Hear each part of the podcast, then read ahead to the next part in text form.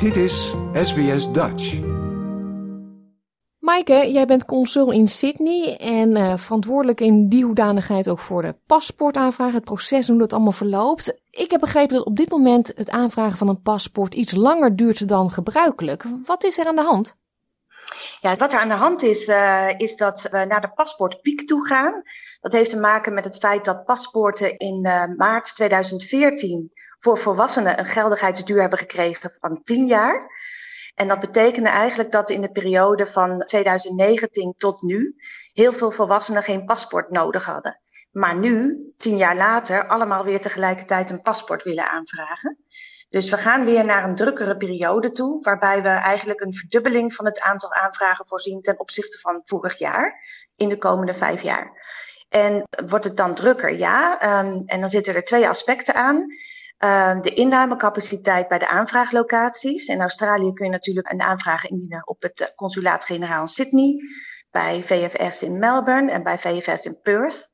En we komen af en toe ook met uh, de pop-up passport desks naar Brisbane en Adelaide en soms ook Canberra. We hebben voldoende uh, capaciteit om aanvragen in te nemen aan de balies. Um, we hebben afspraken verdubbeld voor uh, de komende periode. Dus in de regel kun je binnen twee, drie weken een paspoort aanvragen in Sydney. En uh, bij de externe dienstverlener zijn er geen wachttijden.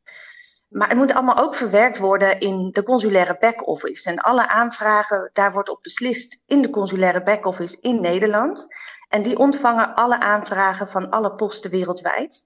En het kan zijn dat het soms, als het allemaal tegelijkertijd binnenkomt, dat de doorlooptijden dan iets langer zijn dan mensen gewend zijn. Ja, gaat het dan om dagen of om weken? Nou, normaal gesproken is het ongeveer vier weken. En voor Australië gold altijd al wel dat vanwege de tijd die gemoeid is met de verzending van de paspoorten vanuit Nederland naar Australië, daar gaat vaak ook weer anderhalve week overheen, dat het al gauw kon oplopen tot zes weken. Ik zeg altijd tegen mensen, voor de zekerheid reken twee maanden, dan, dan moet het goed komen. Mm, ja, en heeft het ook effect op spoedaanvragen? Want je ziet wel eens mensen die zeggen: Oh nee, mijn paspoort is bijna verlopen en ik ga over twee weken weg. Normaal gesproken lukt dat met een spoedaanvraag als je een afspraak op tijd kan inplannen. Heeft dat hier ook effect op?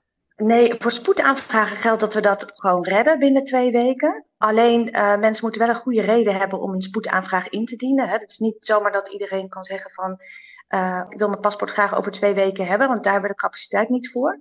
En een spoedaanvraag kan alleen worden ingediend in Sydney, en maar niet bij de externe dienstverleners.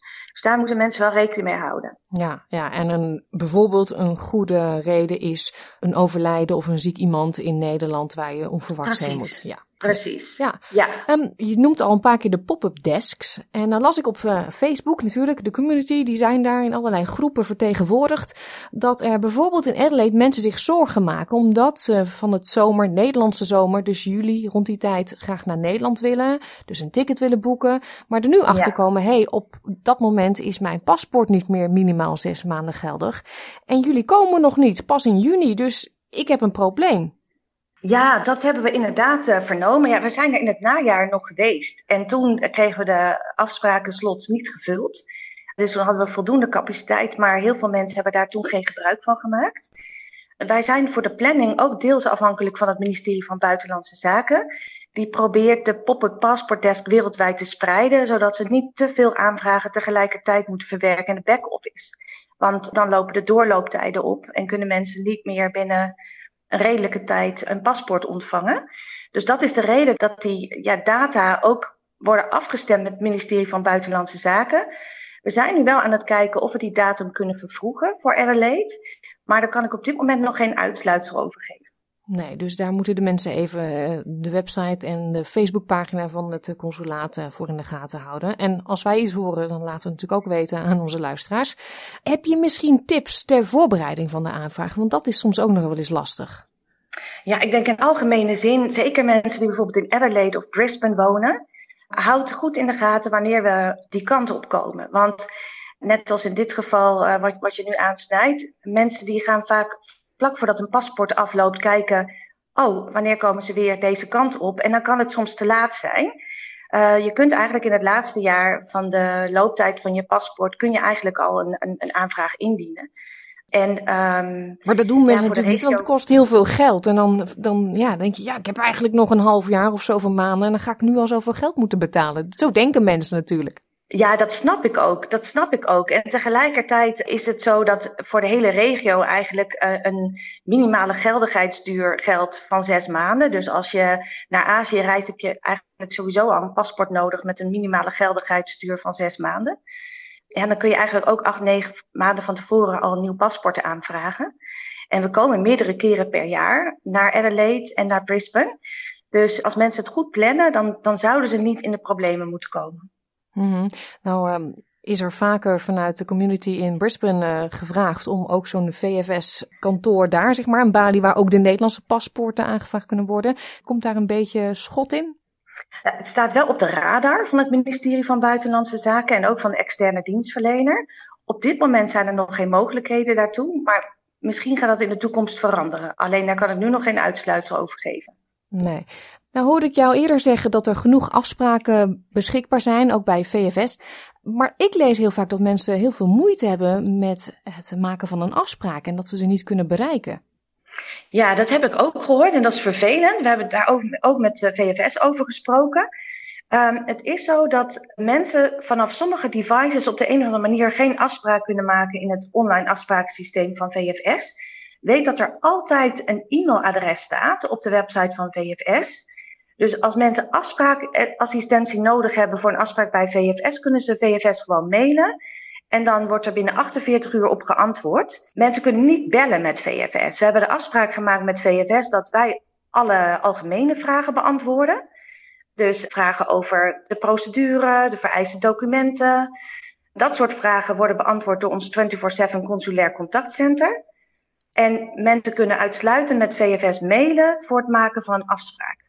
Je moet best wel wat uh, papieren verzamelen ook, hè, als je je paspoort wil ja, aanvragen. Dat is niet zo even, ik ga met mezelf en een foto en klaar. Het is zo dat het heel belangrijk is dat mensen op de website kijken welke documenten ze mee moeten nemen voor hun persoonlijke situatie. Dus het is belangrijk dat ze kijken op de website nederlandwereldwijd.nl en daar kunnen ze een gepersonaliseerde checklist downloaden. En door een aantal vragen te beantwoorden, krijgen mensen dan een checklist die uh, specifiek van toepassing is op hun situatie. Die moeten ze ook uitgeprint meenemen en overleggen bij hun aanvraagformulier. En dan wordt aan de balie bekeken of ze alle documenten hebben aangeleverd en compleet hebben. Wat we vaak zien is dat mensen vergeten kopieën mee te nemen. Of uh, vergeten een apostille-stempel te plaatsen op originele documenten. En in Australië is het zo dat Australische documenten moeten gelegaliseerd worden voor gebruik in een paspoortprocedure. Het is belangrijk dat mensen dan van tevoren ook die apostille-stempel op de originele documenten laten plaatsen voordat ze hun aanvraag indienen. En bij wat voor documenten heb je zo'n apostille-stempel dan nodig? Ja, bij alle officiële documenten, zoals een geboorteakte, een huwelijksakte uh, of een naturalisatiebesluit. Dus als mensen bijvoorbeeld ook de Australische nationaliteit hebben verkregen, dat zijn documenten waar standaard een apostille-stempel op moet staan. Ja, want zo'n document van de overheid zelf van Australië, dat is niet officieel of voldoende. Dat kan makkelijk vervalst worden of zo. Nou, het is een standaard procedure dat dan de authenticiteit van het document moet worden bevestigd. En alleen dan is het geldig voor gebruik in een Nederlandse paspoortprocedure. Mhm. Het is belangrijk dat mensen daaraan denken. En waar haal je zo'n stempel? Ja, die kun je halen bij DFAT en uh, dan Passport Office in, uh, in de meeste steden. Je kunt ook kijken op smarttraveler.gov.au. Daar kun je ook allerlei informatie vinden over legalisatie in Australië. Ja, uh, want uh, als jij een dubbele nationaliteit bent, sommige mensen hebben ja, die mazzel, als ik het zo mag omschrijven, hè, dus met behoud van Nederlanderschap kunnen ze ook Australisch zijn. Dan komt er toch nog iets extra's kijken bij zo'n aanvraagproces. Ja, eigenlijk wat dan bij elke aanvraag wordt beoordeeld is hoe verhoudt die andere nationaliteit zich tot het Nederlanderschap. Dus wordt dan gecontroleerd of mensen nog wel Nederlander zijn. En of ze dan inderdaad voldoen aan de uitzonderingscategorieën op basis waarvan ze het Nederlanderschap mogen behouden. Ja, uh, en daar moet je extra bewijsmateriaal voor aanleveren. Ja, daar moet je extra bewijsmateriaal voor aanleveren. Dus onder andere zo'n naturalisatiecertificaat. En je moet wat, wat vragen beantwoorden. En het makkelijkste is als mensen dan die gepersonaliseerde checklist downloaden op uh, de site nederlandwereldwijd.nl. Dan staat er precies wat ze mee moeten nemen naar een afspraak. Ja, kopietjes dus uh, meebrengen, al je documenten verzamelen. De pasfoto's is ook een dingetje. Hè? Dat is soms ook lastig om de goede te krijgen. Want de pasfoto's die je voor je Nederlandse paspoort nodig hebt, die zijn weer anders dan hier in Australië bij de postoffice. Ja, dat klopt. En dat is inderdaad iets waar veel Nederlanders tegenaan lopen. Helaas hebben we nog geen apparatuur waarmee we een foto aan de balie kunnen maken. Uh, het beste advies dat ik daarvoor kan geven is, als men in Sydney aanvraagt, er staat op onze website een fotograaf die goed bekend is met de fotovereisten. En die zit bijna om de hoek. Maak daar foto's, want uh, dan gaat het in 99% van de gevallen goed. En mochten de foto's dan toch niet aan de juiste vereisten voldoen, dan maakt de fotograaf gratis een nieuw setje. Het is zo dat als men bij VFS aanvraagt, dat VFS wel de mogelijkheid heeft om ter plekke foto's te maken. Dus als men met de verkeerde foto's aankomt, dan kunnen er tegen betaling nieuwe foto's worden gemaakt ter plekke. En als men naar een fotograaf gaat, kijk dan goed op de website wat de vereisten zijn. Print het uit, neem het mee naar die fotograaf en controleer ter plekke of, of ze aan de vereisten voldoen. Of maak bijvoorbeeld de afspraak met de fotograaf dat als de foto's niet goed zijn, dat de fotograaf dan gratis een nieuw setje maakt. Mm Ja, maar dat is natuurlijk wel heel zuur. Dat je dan je huiswerk doet, maar dat ze dan net even niet goed zijn. Of dat je te veel lacht of zo. Of ja, oren niet zichtbaar zijn. Dat is inderdaad heel vervelend. Maar um, ik denk dat als mensen zelf ook goed opletten waar die foto's aan moeten voldoen. En de fotograaf goed instrueren, dat het goed moet gaan. Ja. Volgens mij was dit heel veel nuttige informatie, Meike. We gaan de links die je net noemde allemaal op onze eigen website zetten. sbs.com.au slash Dutch. En uh, hopelijk hebben we hier weer uh, heel wat mensen geholpen. Nou, super. Ik hoop dat mensen ja, hiermee goed uit de voeten kunnen. En uh, het aanvraagproces als soepel zullen ervaren in de toekomst. Dankjewel. Wil je nog meer soortgelijke verhalen? Luister via Apple Podcasts. Google Podcasts, Spotify of waar je je podcasts dan ook vandaan haalt.